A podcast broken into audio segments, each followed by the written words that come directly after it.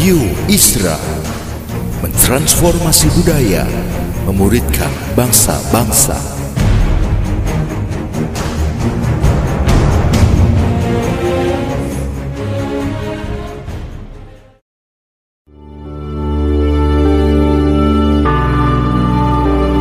Apostolic Prophetic Messages mengungkapkan pesan dan arahan dari hati Tuhan bagi gerejanya demi menuntaskan mandat kerajaan Allah di Indonesia dan bangsa-bangsa. Selamat mendengarkan.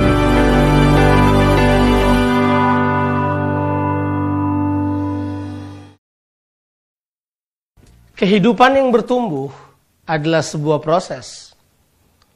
Dan sebuah proses adalah hal yang sangat penting dalam kehidupan ini. Kita telah belajar prinsip bahwa kemuliaan yang Tuhan investasikan dalam kehidupan kita adalah potensi ilahi yang seharusnya bertumbuh dalam kehidupan kita dan dinyatakan keluar dalam kehidupan kita. Dan dalam semua bentuk kemuliaan yang harus dinyatakan dalam kehidupan manusia, selalu ada proses yang harus dilewati, ada proses yang harus dijalani. Tahukah saudara bahwa Tuhan kita adalah Tuhan yang menyukai proses? Di dalam kitab Yesaya pasalnya yang ke-43 ayatnya yang ke-21 Tuhan berkata seperti ini bahwa umat yang kubentuk bagiku akan memberitakan kemasyuranku. Kata kunci dari ayat itu adalah umat yang kubentuk. Pembentukan adalah bagian yang Tuhan kerjakan dalam kehidupan manusia. Dan lewat proses inilah kita akan belajar sebuah prinsip. Process for glory. Kita akan belajar bagaimana proses itu akan membawa kita kepada kemuliaan yang Tuhan janjikan dalam kehidupan kita. Proses adalah hal yang wajar. Proses berlaku setiap hari dalam kehidupan kita. Masuk keluar kita adalah proses. Tahukah saudara, ada sebuah ayat yang dikatakan dalam Alkitab bahwa Tuhan memberkati keluar masukmu. Semua manusia akan ada dalam posisi meninggalkan sebuah tempat untuk masuk pada sebuah tempat yang lain. Itu pun proses. Kalau saya bisa ada di sini, karena saya harus keluar dari sebuah tempat dan masuk ke tempat ini. Kalau saudara pun ada di situ, saudara harus keluar dari sebuah tempat dan masuk ke situ. Sebab begini, hidup ini adalah sebuah proses seperti layaknya keluar dan masuk. Tuhan adalah Tuhan yang menyukai proses. Sebab karena proses inilah Tuhan mau membentuk kehidupan kita. Hanya untuk mengingatkan saudara bahwa tujuan Tuhan memanggil kita bukan cuma sekedar untuk masuk sorga. Tapi tujuan utama Tuhan memanggil kita, memilih kita, membentuk kita supaya kita menjadi serupa dengan gambaran Yesus Kristus. Artinya supaya kehidupan kita mencerminkan kehidupan Kristus, yaitu kehidupan yang mencerminkan kemuliaan Allah, yang penuh dengan kasih karunia dan kebenaran. Tapi semua itu perlu yang disebut proses. Kita sedang hidup di zaman yang semua orang berpikir instan. Mereka mau kopi yang instan. Mereka mau mie yang instan. Mereka mau kehidupan mereka instan. Mereka mau uang yang instan. Mereka mau pernikahan yang instan. Mereka mau kebahagiaan yang instan. Tahukah saudara? Tuhan kita adalah Tuhan yang menyukai kualitas. Dan kualitas hanya dapat dibangun lewat proses kehidupan. Kualitas hanya dapat dibangun dalam proses kehidupan ini. Untuk itu kita perlu mengerti prinsip ini. Bahwa kita perlu masuk di dalam proses. Proses ilahi terjadi dalam kehidupan kita. Di dalam kitab 2 Korintus pasalnya yang keempat. Ayat 16 sampai ayatnya yang ke-18. Paulus berkata seperti ini. Ini yang Paulus katakan. Paulus bilang begini. Bahwa penderitaan yang ringan dan sementara di dunia ini mengerjakan bagi kita kemuliaan kekal. Jadi penderitaan yang kita alami, penderitaan yang ringan dan sementara yang kita alami itu mengerjakan kemuliaan kekal. Sebab begini, kemuliaan itu dicapai lewat proses kehidupan. Contoh, saudara mengerti tentang batu-batu mulia, permata, berlian. Tahukah batu mulia itu tidak langsung berbentuk seperti itu. Itu terjadi di dalam tanah yang sangat dalam. Dan kemudian karena suhu yang sangat tinggi, ditekan dari bawah ke atas, barulah keluar berlian-berlian tersebut dalam bentuk tanah, dalam bentuk lumpur, dalam bentuk apa saja.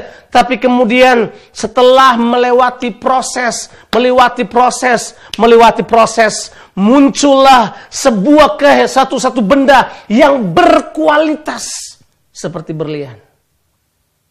Kualitas kemurnian yang tertinggi dilambangkan sebagai emas yang melewati ujian api. Tapi mau tanya kualitas berlian, dia ada di api yang sangat panas, dimuntahkan keluar dengan lava, tapi kemudian diproses. Baru kemudian jatuh ke tangan seorang yang membuat sisi-sisinya menghasilkan dimensi-dimensi keindahan yang berbeda. Tuhan mau kita menyadari bahwa proses kehidupan mematangkan kita. Proses kehidupan adalah supaya kita menyatakan kemuliaan Tuhan. Bagaimana dengan Yesus? Di dalam Injil Matius, pasalnya yang ke-12. Yesus berkata begini, sekarang tibalah saatnya anak manusia akan dipermuliakan. Tahukah saudara? Yesus melihat kata tiba saatnya anak manusia akan dipermuliakan. Yang dia lihat bukan sebuah pesta besar. Yang dia lihat bukan hadiah yang besar. Dia sedang melihat salib sebagai bahagian untuk menyatakan kemuliaan bahwa kematiannya di kayu salib, penderitaan yang dia hadapi adalah bagian dari untuk menyatakan kemuliaan Allah. Tentu saudara sudah pernah mendengar pepatah ini bahwa there is no glory without cross. Tidak akan ada kemuliaan tanpa salib. Jika saudara bertanya kepada saya, apakah ambisi pribadi Tuhan Yesus adalah untuk menangkap the glorious moment, untuk merangkul apa yang disebut dengan waktu-waktu yang mulia di atas salib itu. Karena di atas salib itu dia menyelesaikan semua tugas Bapaknya. Di atas salib itu dia menyatakan kemuliaan Tuhan. Kemuliaan selalu melewati proses.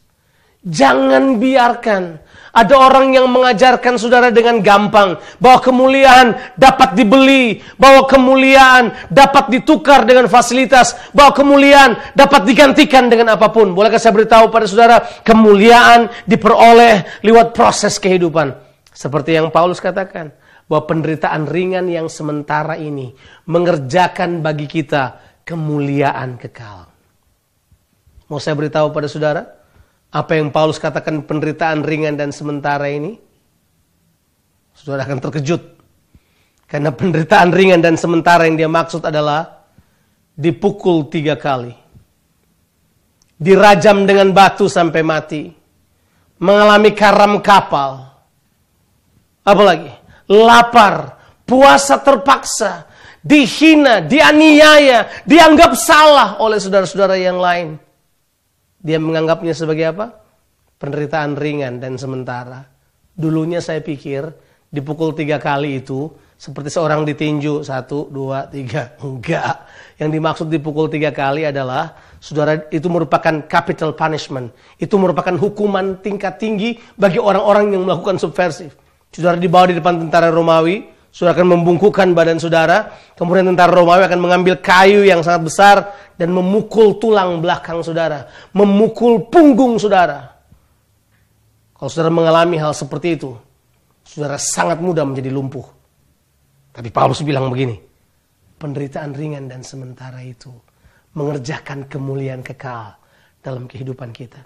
Kalau kita melihat proses sebagai bagian yang Tuhan kehendaki dalam kehidupan kita, saudara-saudara, cara kita melihat masalah akan berbeda. Waktu kita berhadapan dengan kesulitan kehidupan, waktu kita berhadapan dengan kesukaran kehidupan, waktu kita berhadapan dengan masalah-masalah berat dalam kehidupan ini, kita tahu persis karena hal tersebut adalah bagian pembentukan, bagian proses yang Tuhan kerjakan dalam kehidupan ini. Ada beberapa orang mengatakan bahwa percepatan sedang Tuhan kerjakan. Dalam proses Tuhan, kalau Tuhan sedang memproses manusia, tidak ada yang akan ditambahkan di situ, tidak ada yang dapat dikurangi di situ.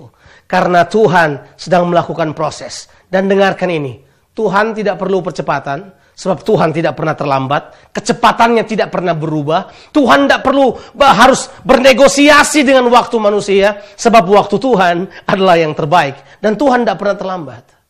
Tuhan selalu tepat waktu. Makanya dia tidak perlu percepatan. Siapa yang perlu percepatan? Manusia membutuhkannya, tapi Tuhan tidak. You know one thing about God? He is always taking his time. Dia selalu mengambil waktunya. Dan tidak seorang pun yang dapat menghentikan waktu Tuhan atau mengendalikan waktu Tuhan. Dia putuskan itu untuk kita. Saudara, hei, mari. Jangan berupaya. Kalau masuk dalam sebuah proses yang Tuhan bawa dalam kehidupan kita. Jangan menyerah. Tapi berharaplah kepada Tuhan. Pandanglah kepada Tuhan. Dan saya mau katakan pada saudara. Dalam proses ilahi. Orang lain pun tidak dapat menolong saudara. Sama seperti dari sebuah benih berubah menjadi seekor ulat. Dari seekor ulat berubah menjadi se se seekor kepompong. Dari kepompong inilah, dalam fase kepompong inilah, saudara tidak boleh ditolong oleh siapa pun. Kalau satu kepompong ditolong, digunting oleh seorang anak misalnya, maka yang terjadi adalah kepompong tersebut tidak akan pernah menjadi kupu-kupu yang dengan keindahannya dapat terbang dan menikmati kehidupan ini. Proses tidak dapat ditolong oleh siapa pun, pada saat itulah kita akan melihat Tuhan dengan kemuliaannya. Kadang-kala kita mau cepat. Semua orang yang mau cepat untuk menggenapi janji Allah dalam kehidupannya, orang yang butuh itu selalu mengalami proses yang lebih panjang. Pernah ingat kisah Abraham? Tuhan berjanji kepada Abraham untuk memberikan Ishak kepadanya dan Abraham harus tunggu 25 tahun. Sementara dia baru tunggu kurang lebih sekitar 10 tahun. Tahukah saudara? Abraham menyerah. Karena kemudian Abraham memilih menolong Tuhan. Mempercepat proses Tuhan. Dia tidur dengan Hagar untuk mendapatkan Ismail. Tahukah saudara setelah peristiwa itu? Kurang lebih 10 atau 11 tahun Tuhan tidak datang dan berbicara kepada Abraham. Karena mengapa? Abraham mau cepat. Tuhan tunda 11 tahun kemudian. Pernah dengar kisah dari Yusuf? Yusuf masuk ke penjara. Dan Yusuf ada di dalam penjara. Dia menerjemahkan mimpi tukang roti dan tukang minum raja. Juru roti dan juru minum raja. Waktu itu dia berkata begini kepada juru roti itu. Dia bilang begini kepada juru roti itu. Eh, eh tolonglah saya, ingatlah saya.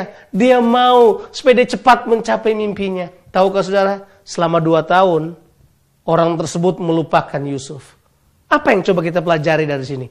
Dalam proses ilahi, jangan mau cepat. Belajarlah kemuliaan Tuhan. Belajarlah apa yang Tuhan mau kita dapatkan dalam kehidupan ini. Belajarlah untuk menerima karakter ilahi. Kita pengkhotbah berkata begini. Apa pun di bawah kolong langit ini, ada waktunya. Apa pun di bawah matahari ini, ada masanya atau musimnya. Kemudian ayat 2 dari pengkhotbah pasal yang ketiga, ayat yang kedua, kemudian penulis pengkhotbah memberikan kepada kita 14 pasang masa yang manusia kadang-kala tidak menyukainya. Dia berkata begini, ada masa untuk lahir, ada waktu untuk mati. Ada waktu untuk menanam, ada waktu untuk mencabut dari yang ditanam. Ada 14 pasang. Kemudian diakhiri dengan ayat yang ke-11. Waktu dia berkata begini, tetapi Tuhan menjadikan segala sesuatu indah pada waktunya. Orang yang mengerti proses ilahi akan mengerti apa saja yang dia alami indah pada waktunya. Jadi sebenarnya membaca ayat 2 sampai ayat yang ke-8 harusnya kita baca dengan cara seperti ini. Lahir indah, mati pun indah. Menanam indah, mencabut yang ditanam pun indah. Untung indah, rugi pun indah. Sehat indah, sakit pun indah. Sebab prinsipnya adalah begini. Tuhan menjadikan segala sesuatu indah pada waktunya. Tapi jangan lupa, pernyataan berikut berbunyi seperti ini. Dan dia telah menaruh kekekalan di dalam hati mereka. Supaya manusia takut kepada Tuhan dan beribadah kepadanya. Tahukah saudara, Tuhan menaruh kekekalan dalam kita. Lewat proses kehidupan yang seperti itu. Lewat penderitaan, kesulitan, kesukaran seperti itu. Pada saat itulah Tuhan membentuk kehidupan kita. Supaya dia menaruh kekekalan dalam kehidupan kita. Apakah hal yang kekal yang dapat saudara bawa dalam kehidupan ini? Gak ada yang lain. Karakter ilahi. Dan itulah yang disebut dengan kemuliaan. Bahwa definisi dari kemuliaan adalah karakter ilahi, kualitas ilahi, bobot Allah yang dia taruh dalam kehidupan ini. Dan kemuliaan itulah yang harus dinyatakan keluar. Jangan pernah menolak proses yang Tuhan bawa dalam kehidupan kita. Nikmati proses tersebut. Hidupi, kerjakan dengan hati yang terbuka, dengan hati yang bersyukur. Izinkan change, izinkan perubahan datang dalam kehidupan kita. Sebab kita harus berubah dari hari ke sehari supaya kita dapat menjadi serupa seperti Kristus. Di dalam 2 Korintus pasalnya yang ketiga, ayat yang ke-18, Paulus berkata seperti ini. Karena kemuliaan itu berasal dari Allah maka kita diubahkan dari hari ke sehari dalam kehidupan dan dalam kemuliaan yang lebih besar. Tahukah saudara? Kemuliaan yang di dalam saudara akan membawa saudara pada kehidupan yang diubahkan dari hari lepas hari. Kita perlu mengalami perubahan. Saudara ingatlah ini, kalau saudara berjalan bersama dengan Tuhan dan tidak pernah mengalami perubahan, saudara sedang ada dalam jalan yang keliru. So perubahan harus terjadi dalam kehidupan manusia. Kita perlu menjadi lebih baik. Kita perlu bertumbuh menjadi pribadi yang Tuhan kehendaki kita jadi. Dalam proses tersebut, Tuhan memampukan kita. Mari kita buka hati kita untuk terus mengizinkan Tuhan membentuk kehidupan kita. Hari demi hari kita terus dibentuk oleh Tuhan. Kalau kita mengenal prinsip ini, kita akan tidak menghakimi orang lain. Tapi kita akan mengizinkan orang lain terus ada dalam proses Tuhan dan encourage mereka, memberi dorongan kepada orang-orang yang sedang dalam proses Tuhan untuk tetap kuat, untuk tetap bersikap yang benar, untuk tetap mengizinkan Tuhan untuk menaruh kekekalan dalam kehidupan mereka. Sebab Tuhan bertujuan untuk menjadikan saudara serupa dengan gambaran anaknya penuh dengan kemuliaan. Tuhan berkata seperti ini. Bahwa apa yang tidak pernah dilihat oleh mata, apa yang tidak pernah didengar oleh telinga, apa yang tidak pernah muncul atau terbit dalam niat hati manusia, itulah yang Tuhan siapkan bagi orang-orang yang mengasihi Dia. Tahukah saudara? Tuhan mempersiapkan sesuatu untuk saudara. Masalahnya begini, Bersiapkah Anda untuk masuk dalam proses untuk mendapatkan sesuatu yang Tuhan siapkan buat saudara? Sesuatu itu adalah kemuliaan yang lebih besar. Kemuliaan karakter yang lebih dari Allah dalam kehidupan kita. Nikmati proses saudara. Hidupi proses saudara. Jangan menyerah dalam proses. Bersyukurlah bahwa saudara masuk dalam proses yang Tuhan izinkan. Karena dalam proses itulah saudara akan menyatakan kemuliaan Tuhan. The process of glory. Proses untuk kemuliaan adalah sebuah proses yang akan dilewati oleh semua manusia. Kalau saudara punya sikap yang benar, kalau saudara punya punya cara berpikir yang benar, Saudara kemudian bersikap tepat dalam semua situasi yang Tuhan bawa terjadi dalam kehidupan saudara. Saya yakin saudara akan keluar seperti emas murni, penuh dengan kemuliaan. Tuhan berkata seperti ini. Apa yang dilihat oleh mata itu sementara. Tetapi apa yang tidak dilihat oleh mata sifatnya kekal. Tahukah saudara, kadangkala orang hanya menghakimi bagian luar dari manusia. Tapi orang lupa Tuhan melihat yang di dalam. Dan yang di dalam ini terus diproses oleh Tuhan. Terus diubahkan oleh Tuhan. Saya sekarang ini, harus saya katakan kepada saudara, jauh lebih baik dari saya di masa yang lalu. Mengapa? Sebab proses ilahi akan membawa kita menjadi orang yang lebih baik, orang yang lebih baik. He wants to make you a better person. Tapi jauh daripada itu, dia mau menjadikan saudara sama seperti Yesus. Berpikirlah proses. Sebab bagi Tuhan, Tuhan lebih menyukai proses berlaku dalam kehidupan kita. Lebih daripada sekedar pencapaian dari apa yang kita inginkan.